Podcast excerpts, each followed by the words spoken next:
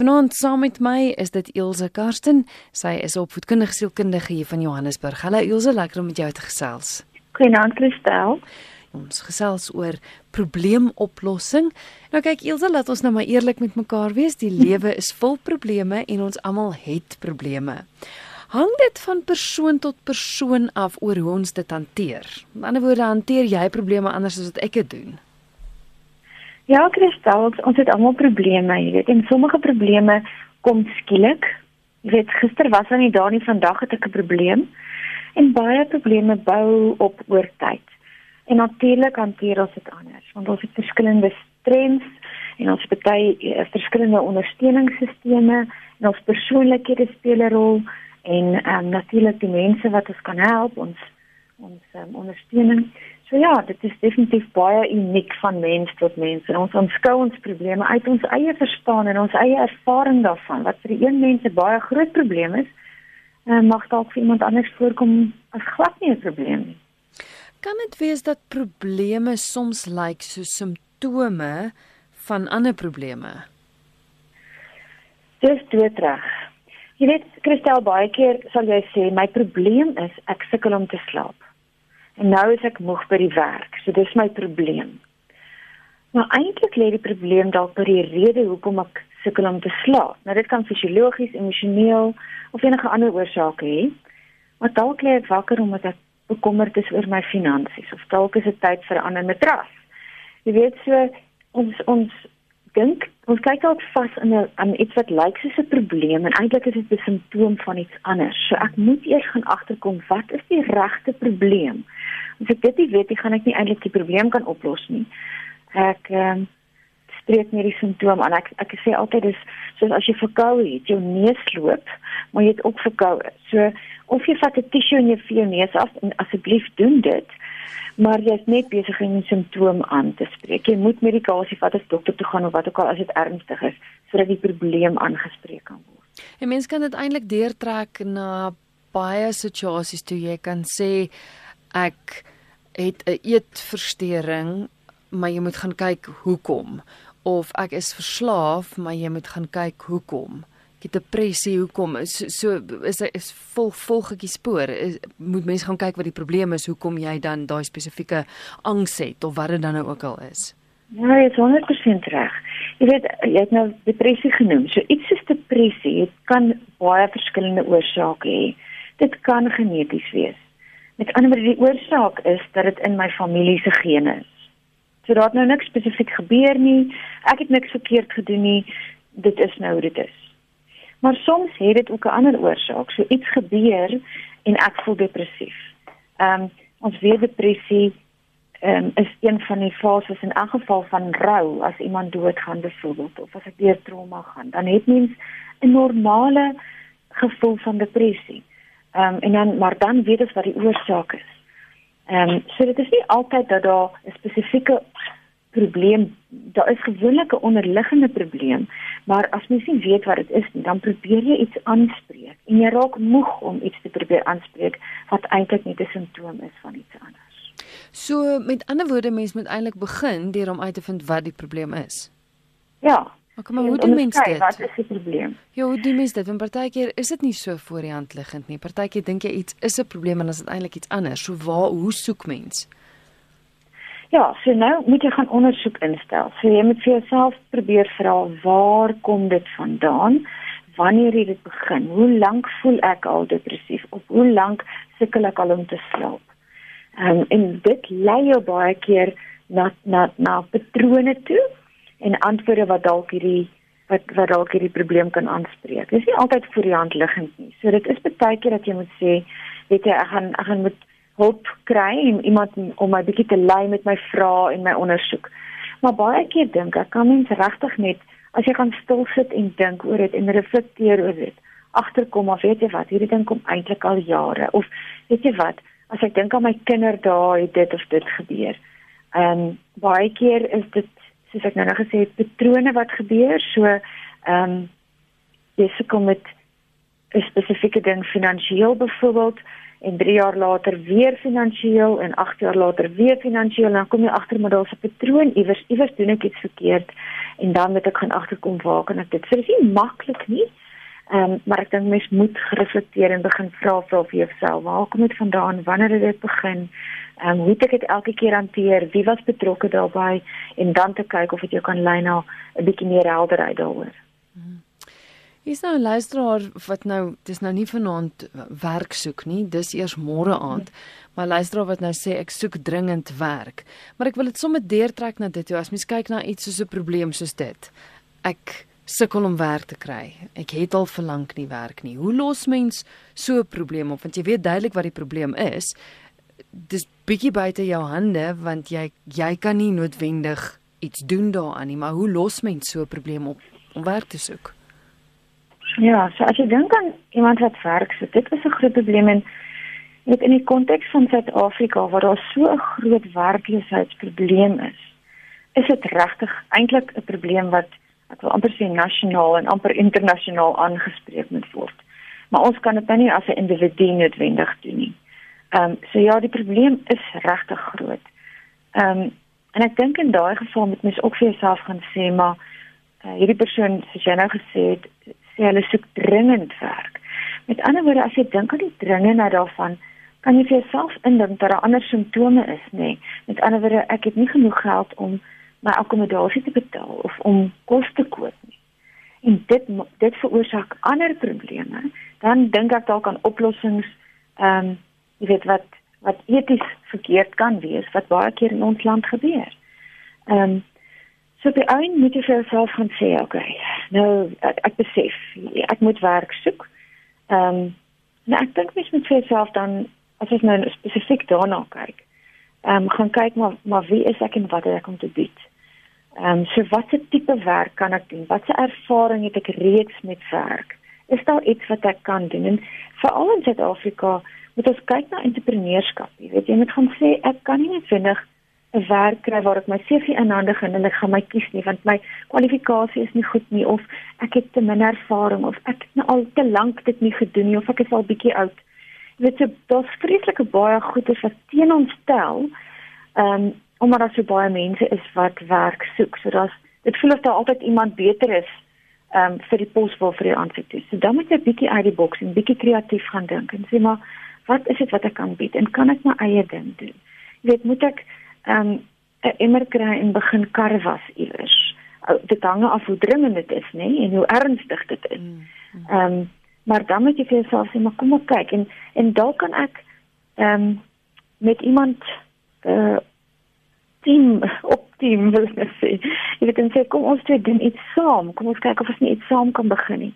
Dit is 'n risiko dat mens baie keer geld insit in iets in en dan dit die risiko het om dit verloor. Ehm um, maar as jy in elk geval niks het nie en dan dan as jy dan nie sukses behaal nie, jy dan teen net binne iets verloor nie. Maar dit is 'n groot probleem in Suid-Afrika en ek is regtig jammer vir baie mense wat werk soek. Hier's 'n luisteraar wat sê ek dink my seun is 'n narcis. Hy het my nou al twee maal uit sy huis gejaag sonder enige rede en na 'n uh, onder ons sê met sy broer het hy nou niks meer met sy twee broers of my te maak nie. Dit breek my hart. Maar ek is magteloos. Hmm.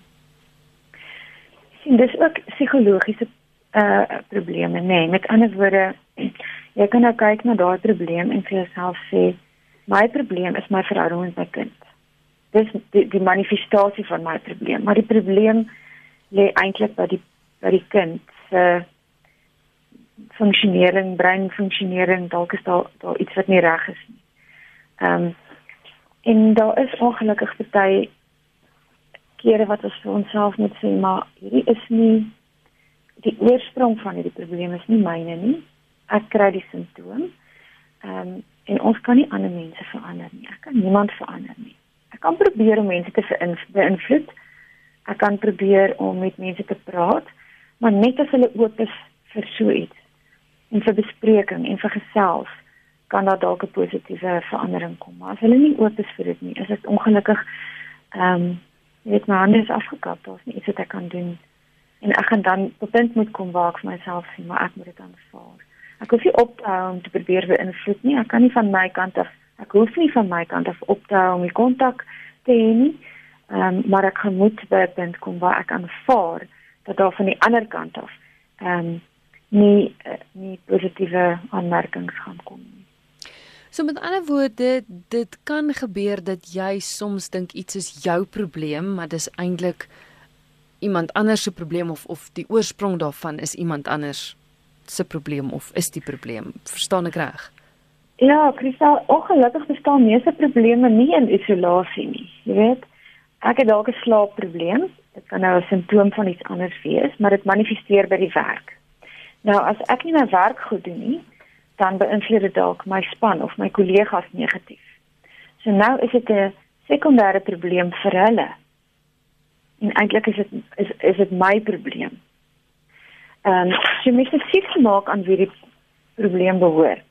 Kom ek neem 'n voorbeeld. My my kind is dalk lui om sy huiswerk of sy skooltake te doen. OK. Nou as ek die ouer en ek besluit nee, maar, maar ek hierdie taak moet gedoen word, so ek gaan nou oorneem en dan doen ek die taak vir hom. En nou maak ek sy probleem myne. En eintlik vererger ek net die onderliggende probleem. So volgende keer gaan hy maar weer op my staat maak en dan is ek nou besig om weer graad wat ook al oor te doen. Ek weet soms is daar totaal onskuldige mense wat deurloop. As iemand onder die invloed bestuur, wat dalk nou ook 'n simptoom van iets anders kan wees, maar ook 'n probleem op sy eie en ek maak 'n ongeluk, dan is daar dalk onskuldige slag, slagoffers. En um, dan sit jy nou weer met skuldgevoelens wat 'n nuwe probleem kan veroorsaak. So ehm um, ja, ongelukkig jy weet mens moet kyk wie se probleem is dit en is dit enigsins in my ehm um, power om iets daaraan te doen. En as ek kan ja, probeer beïnvloed gesels, sit planne op die tafel. Maar as ek nie kan nie, dan moet ek op 'n punt kom waar ek sê ek moet nou wegloop of ek moet aanvaar ehm um, dat ek nie kan aanhou stres oor iets wat nie aan my behoort nie. Maar as die probleem myne is, vat verantwoordelikheid en doen iets daaraan, jy weet. Nog 'n luisteraar wat sê my probleem is ook dat ek nie werk kry nie. Maar die probleem veroorsaak dat ek nou nog 'n probleem het, want dit veroorsaak geweldige angs en stres by my, want ek moet ook dringend werk kry. Um, ek, hoe maak mens as die die een probleem eintlik bydra tot 'n ander probleem en dit erger maak? Um want weer eens onderliggend is dat die werk soek, maar dit veroorsaak nou stres en angs ook wat nog 'n probleem veroorsaak. Ja, nee, beslis. Ehm um, ek weet in, in sommige probleme hoe langer dit is, as ek nou al vir lank werk soek. Ehm um, of ek nou vir lank siek, of ek het lank al huweliksprobleme, of vir lank moet ek my kinders grootmaak, dan ek weet dan is dit 'n uitgerekte ding en dit het nie 'n vinnige oplossing. Dit kan 'n vinnige oplossing wees as ek werk kry, is die probleem opgelos. Ehm um, en mens kan dan net maar die dringendheid weet aan aan hoe dit my funksionaliteit op 'n daaglikse basis beïnvloed. En hierdie luisteraar byvoorbeeld kan sê dit is dringend en dit veroorsaak addisionele stres um, en dit veroorsaak nou weer ander simptome. Ehm um, so ek dink dit jy weet dit dit is wat dit so moeilik maak. So as dit as mens alles probeer het. Kyk mens kyk na jou situasie en jy sê ek het nie werk nie. En jy gaan skryf vir jouself neer. Wat is my sterkpunte? Wat het ek om te bied? En ek begin kyk wat is daar buite?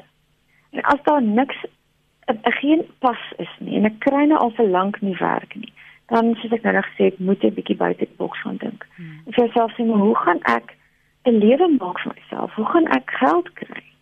Ehm um, en as dit dan is om karre te was of as dit is om honde te gaan stap of wat ook al, dan moet ek begin om so iets te doen. En gelukkig met sosiale netwerke en sosiale media deesdae kan mens nog al 'n paar ehm um, behoefte daarbey te sit, jy weet en en hoop dat mense dit raak sien.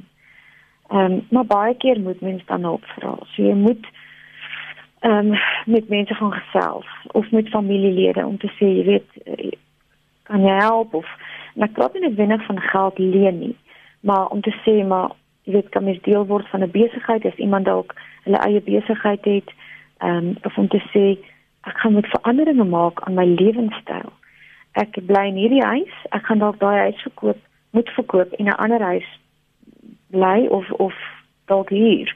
Of ek moet my groot kar verkoop en ek moet 'n kleiner kar koop of ek moet te voet gaan. Hmm. Jy weet, mens moet ongelukkige veranderinge maak. Ehm um, as jy agterkom maar my funksionering op elke dag se basis as gevolg van die stres. Ehm um, raak te ernstig aangetast. Ehm um, so ja, maar dit is moeilik. Ek ek werk soek is een van daai moeilike goeters. Weet jy, ons mense met grade wat nie werk kry nie.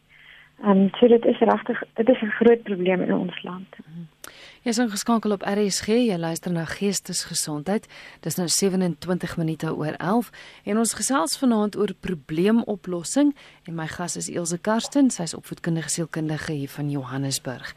Jy is welkom om saam te gesels 45770.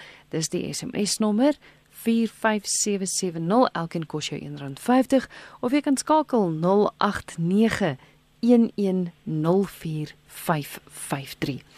Ilse is 'n luisteraar wat wil weet hoe vergewe jy jou maat as hy jou bedrieg?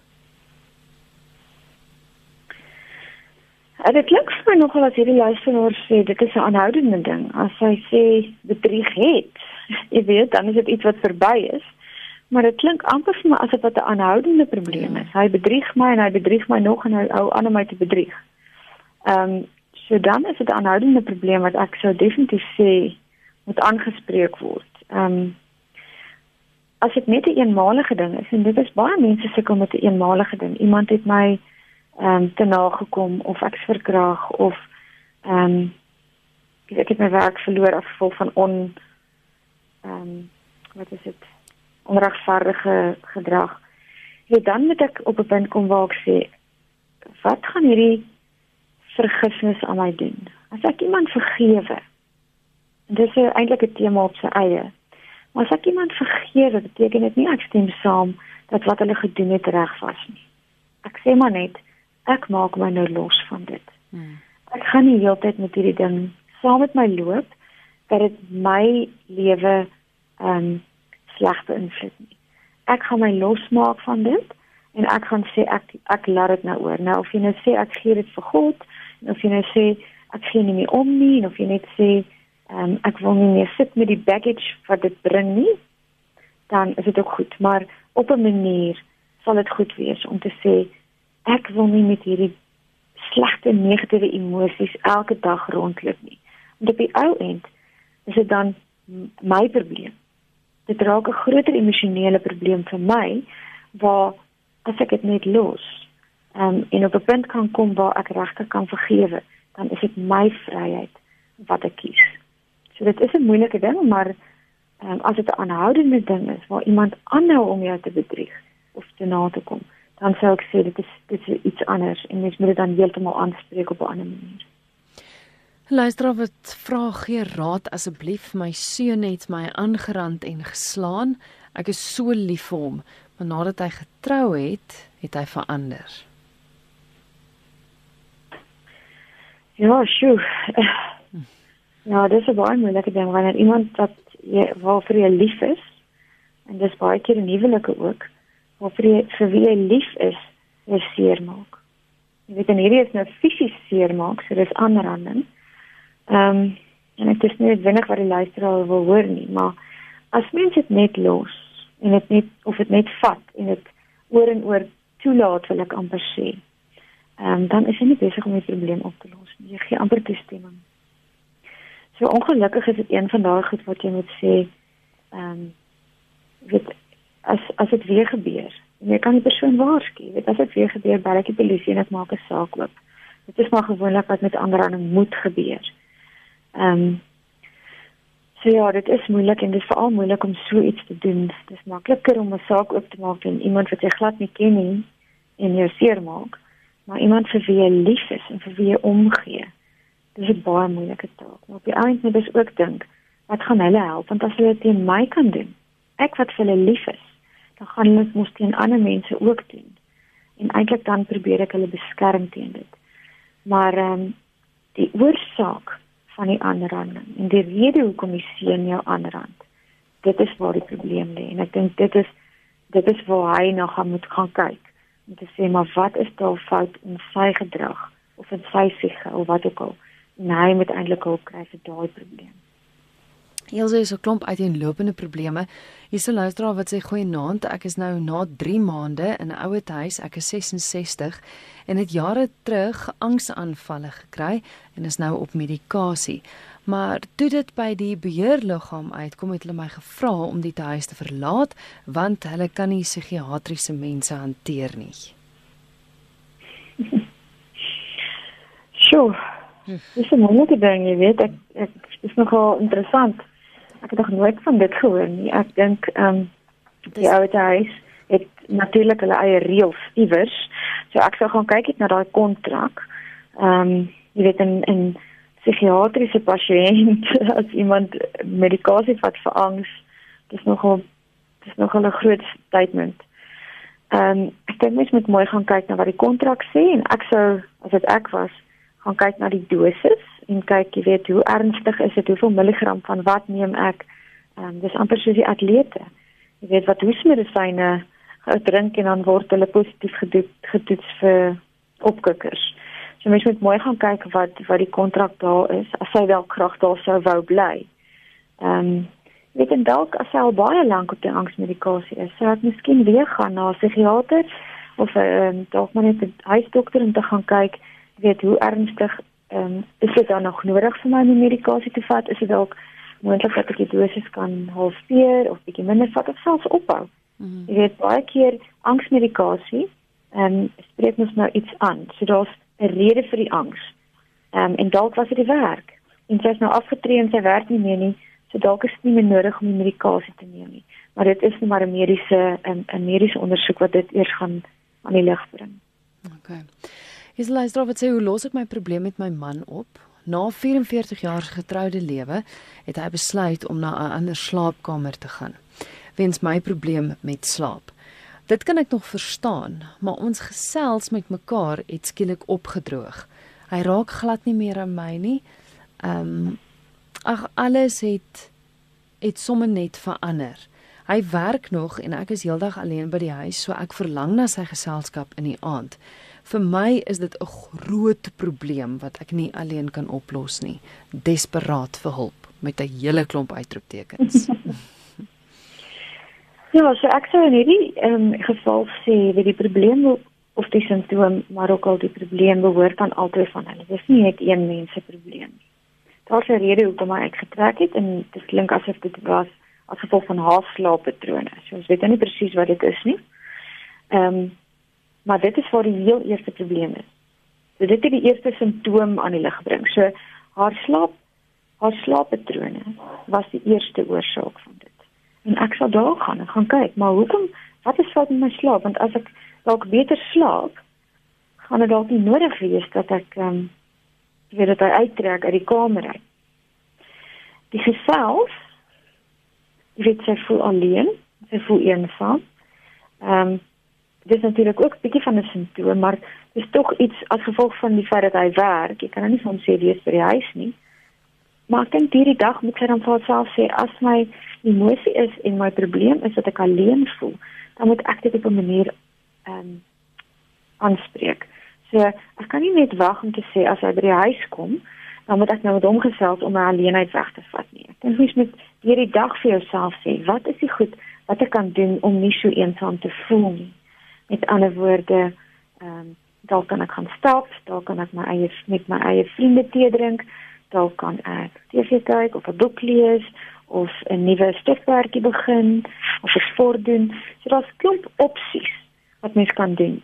Ehm um, en die opsies moet dan in so 'n mate wees dat dit nie alleen is. Jy weet as ek vir myself sê, ehm um, ek gaan huiswerk doen en ek gaan stryk en ek gaan TV kyk, dan is dit nog steeds 'n eensame alleen ding wat ek wat ek sien as 'n oplossing. So ek moet ander mense intrek. Ehm um, of dit nou familie is of bure of wie ook al. So dis iets wat ek kan doen. Ehm um, en ek dink omdat die probleem aan altyd van hulle behoort. Is hier 'n ernstige en eerlike gesprek nodig. Jy weet en ek seker as mense hom ehm um, met hom kan gesels, sal hy ook erken dat daar probleme in die huwelik is. En dan kan hulle dan sê, "Oké, maar kom ons dink saam aan oplossings." En ons saam nie by iets uit kan kom nie, as ons albei bereid is en sê ons wil iets hieraan doen, dan kan ons dalk professionele hulp oorweeg.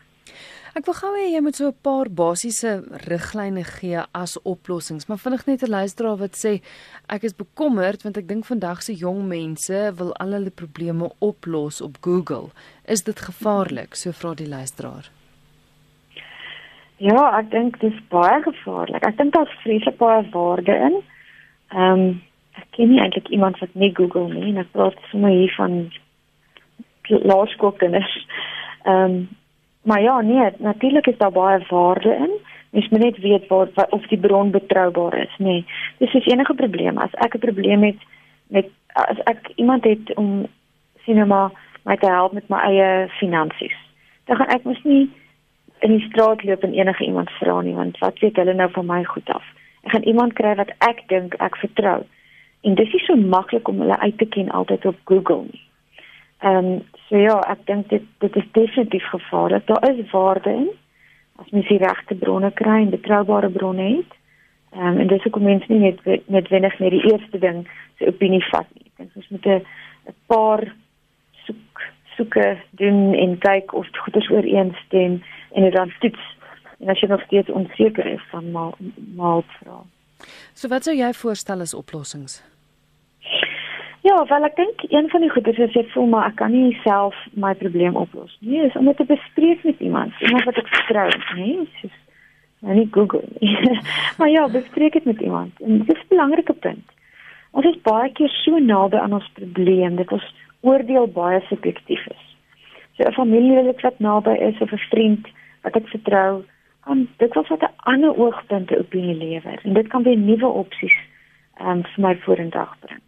So dis die eerste ding dink ek en as jy voel maar ek is te skaam of ek nie lus om hierdie probleem vir my naby mense te sê nie, dan vra jy iemand wat 'n ekspert is of jy betaal iemand om te help of jy se professioneel help.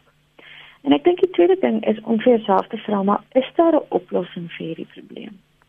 Jy weet die persoon wat gepraat het oor 'n man wat uit die kamer getrek het. Hy kan dalk sê weet jy ek wil nie meer nie. Ek is nie meer lief vir jou nie ek stel nie meer belang in hierdie huwelik nie. Dit vir my is daar niks. Jy weet jy kan 'n bietjie um, nog kommunikasie daaroor hê, maar as dit die volhoubare standpunt is wat hy het, dan gaan hierdie probleem omdat hy aan albei mense behoort, nie opgelos word nie. Ehm um, maar ja, jy moet jouself sê is daar 'n oplossing? As my probleem is ek is besig om oud te word en ek kan nie daarvan nie. Dan moet ek vir jou sê, weet, sak dit op die lewe is so, jy gaan oud word. Ja. En jy kan nie om die probleem gaan nie. Ehm um, en eintlik moet jy dan vir jouself sê, maar ek sien dit nie as 'n probleem nie, maar ehm um, ek vir al my gedagtes daaroor, ek sien dit as 'n geleentheid om wyse te word, om my ervaring met ander te te deel, nie betekenis te kry, die doel van my lewe te koppel. So ja, ek dink jy moet vir jouself sê, is dit is daar 'n oplossing of is daar nie 'n oplossing? En as daar is, dan sit jy in 'n denkskrim en lyk kyk na al die opsies en as daar nie 'n oplossing is nie, dan moet ek by 'n punt kom van aanvaarding. Nee, en dit is amper so iets wat die ander luisteraar gesê het oor vergifnis. 'n Punt waar om te sê maar ek moet my losmaak hiervan, want dit is beter om my lewe sleg te maak en my meer depressief te maak. En ander goed moet ons bestuur. Ongelukkig moet ons op 'n punt sê dat ek nie die kaarte van my lewe gekies het nie. Jy weet, dalk het ek sekere keuses gemaak, maar In ander gevalle is dit wat die lewe my gee en ek moet die beste maak van wie ek is en wat ek het in hierdie situasie. En dit is vir elkeen om eintlik maar net met meet aan sy eie unieke omstandighede. Die proses van aanvaarding is ook nie altyd maklik nie. Ek dink dit bring tog baie vrede as 'n mens dit kan regkry. Mm. Is 'n luisteraar wat sê ek ly aan spastiese kolon al vir jare en dit veroorsaak erge angs en depressie. Toe ek my spesialis vra hoekom en waarom, sy antwoord was wat kom eerste, die hoender of die eier. Dit mm, skiet net ek my plek verloor. Ehm um, Ek het my heeltemal verdrink aan angs en slaapmedikasie en nou sit ek met erge onttrekkingssimptome ook. My lewe is een groot gemors. Help. Gaan my dooddrink aan slaappille om die pyn 'n bietjie te verminder. So sê die luisteraar. Ja, hier is nog 'n tipiese probleem waar jy kan sien die simptome raak sy eie probleem, nê. Nee. Met ander woorde, daar's daar's eintlik 'n mediese probleem. Die probleem is nie aangespreek op 'n regte manier nie en ek is nie seker of dit kan nie, maar dit voel tog vir my sy moet 'n ander spesialis gaan sien om te kyk of daai oorspronklike probleem nie ehm um, beter opgelos kan word nie. OK, maar in 'n geval, die probleem is nie reg aangespreek nie. Dit veroorsaak dit angs Nou die angs is 'n simptoom maar toe word dit sy eie probleem. En om hierdie probleem aan te spreek, is dat die medikasie en slaappille en angspille en daai pille het 'n bietjie dalk die probleem aangespreek, maar toe word hierdie nou 'n nuwe probleem. En nou is dit 'n nuwe probleem op sy eie en al die ander probleme bestaan nog, dink ek vir my. Het so, ek kan ek kan verstaan dat hierdie luisteraar uh, moedeloos voel. Ek dink mens moet tog gaan te gaan op hierdie paas uh, paadjie en sê maar waar is die oorsaak oorspronklik? En hoe wil ek dit hê? Jy weet, baie keer moet ek net van self sê, hier is waar ek nou is. Ek erken dit en ek sit nou nie gemors. Maar hoe wil ek my lewe hê? Waar wil ek myself sien? En baie keer is die antwoord of die oplossing maklik, nê. Nee. Mm. So dis 'n maklike oplossing, maar om dit deur te voer is moeilik. So dis maklik om te sê, die probleem is ek is nou verslaaf aan slaappille en medikasie. So die antwoord is hou op die medikasie drink. Dis maklike teoretiese antwoord. Maar om dit te doen mm. en die praktiese uitvoering daarvan is nie altyd so maklik nie. Ons weet baie keer man, ek moet gesonder wees, ek moet meer oefen wat doen ons dit? So dis die doen wat moeilik is. Nie noodwendig altyd die antwoord nie. Dis daai ehm um, selfdissipline ensovoorts. En dis hoekom dit altyd altyd in my opinie makliker is om iemand te kry om saam met jou te doen. Of iemand wat jy kan vertrou en sê weet jy wat, stap 'n paadjie saam met my. Wie is bereid om saam met my te oefen of wie is bereid om saam met my te sit deur hierdie onttrekkingssimptome? Ehm um, wie kan saam met my na 'n nuwe spesialis soek dat ek 'n beter oplossing kry vir hierdie. Hoe kan ek my angs op 'n ander manier aanspreek? Is daar maniere om daai ander oplossings te gaan soek? En om dit alleen te doen is moeilik vir meeste mense. Nie vir almal nie, maar vir meeste mense is dit 'n een eensame en moeilike ding. So as jy iemand kan kry wat net daar kan wees vir jou, hoef nie al die antwoorde te hê nie, maar hulle kan net daar wees vir jou. Ek kan nie voor daai persoon noodwendig al die pille drink ensovoorts nie. Daar is iemand wat bietjie die pad saam met my stap. Ria sê ek help en luister na baie mense met hulle probleme, maar my probleem is ek klim letterlik in hulle skoene in. Hulle probleme is opgelos, maar ek worry lank nog oor hulle dinge. Hoe kom ek weg van dit? Ja, Ria, jy het 'n sagte hart, jy weet, en ek dink dit is waar empatie inkom, né? Nee, dis die verskil tussen empatie en simpatie. Ons voel eintlik wat hulle voel. En ek dink dis 'n dis 'n gevaar vir baie mense wat in die hulpprofessie is. Maatskaplike werkers of sielkundiges, onderwysers baie keer. Ook en dalk ouers, jy weet, hulle hulle hulle voel so vir hulle kinders dat hulle daai daai probleme op ehm um, as hulle eie ervaar. Ehm um, en dit is 'n moeilike ding. Ek dink dit is iets wat mens moet leer om vir jouself te sê, soos ons nou nou gesê het, aan wie behoort hierdie probleem? En wat kan ek aan hierdie probleem doen? Hierdie probleem nommer 1 behoort nie aan my nie. Nommer 2, ek kan nie hierdie probleem oplos nie. Nommer 3, die simptome van hierdie persoon se probleem raak my probleem as ek nie losmaak van myself nie. So nou veroorsaak ek groter probleme. So dis maklik weer eens, soos ons nou gesê het, die antwoord is maklik. Ek moet nie bekommer oor ander mense se probleme nie. maar om dit fisies en prakties deur te voer, die aksie daarvan is nogal moeilik. Ehm um, en Ria baie keer weet veral in in hul professie soos myne, ehm um, sê ons ons ons gaan sien ook iemand. Jy weet, ons kry ook iemand by wie ons kan gesels en sê hierdie is iets wat vir my waarmee ek sukkel, sodat ek dit ook op 'n gesonde manier kan kanaliseer. Ehm um, so ek hoef nie die probleme wat ek van ander mense hoor net my vriende te bespreek, maar ek gaan bespreek dan sonder om name te doen dit met iemand wat um, ook 'n professionele konfidensialiteit het. So dalk is dit vir jou 'n oplossing om te sê maar kom ek gaan gesels dit met iemand met iemand daaroor. En net nog 'n oplossing wat wat moontlik kan werk um, is om 'n dagboek te hou of 'n joernaal te skryf. Jy weet as jy van jou gevoelens um, wat so in jou hart um, op papier kan uitbring. En dan kan dit ook 'n bietjie van jou um, van 'n relief bring. Is daar sekere dinge waarvoor jy versigtig moet wees of jy voor pasoppens moet wees? Jy weet ja, strikke waarin jy dalk kan trap as jy so vasgevang is in jou probleme. Ja, ek dink mens mens moet pasop. Jy weet, jy moet pasop om nie jou probleem groter te maak as wat dit is nie, maar ook nie kleiner te maak as wat dit is nie, nê. Nee. Partykeer maak ons ons probleem so groot. Ehm um, en ons dink dit is die einde van die wêreld. Dit kan kinders wat dit baie keer doen. Jy weet, ehm um, maar ja, ons maak ons probleem so groot, dis eintlik uit proporsie. En baie keer maak ons ons probleem so klein. Ek het dalk 'n mediese probleem en ag man, dis niks. Ag man, dit is niks. Dis nie so erg nie. Ehm um, en eintlik is dit dan 'n baie groot probleem. So dis een van die goeders. Kyk, kyk realisties na jou probleem. Ehm um, en maak seker jy verstaan dit. En ek dink nog iets is om om, om op te pas om nie die uh, probleem 'n persoon te maak nie, nê. Nee. Vir al in verhoudings, as jy 'n verhouding wil skade doen, dan moet jy nou sê die probleem in hierdie geval is die persoon. Jy is die probleem in ons huwelik of jy is die probleem in hierdie werksituasie.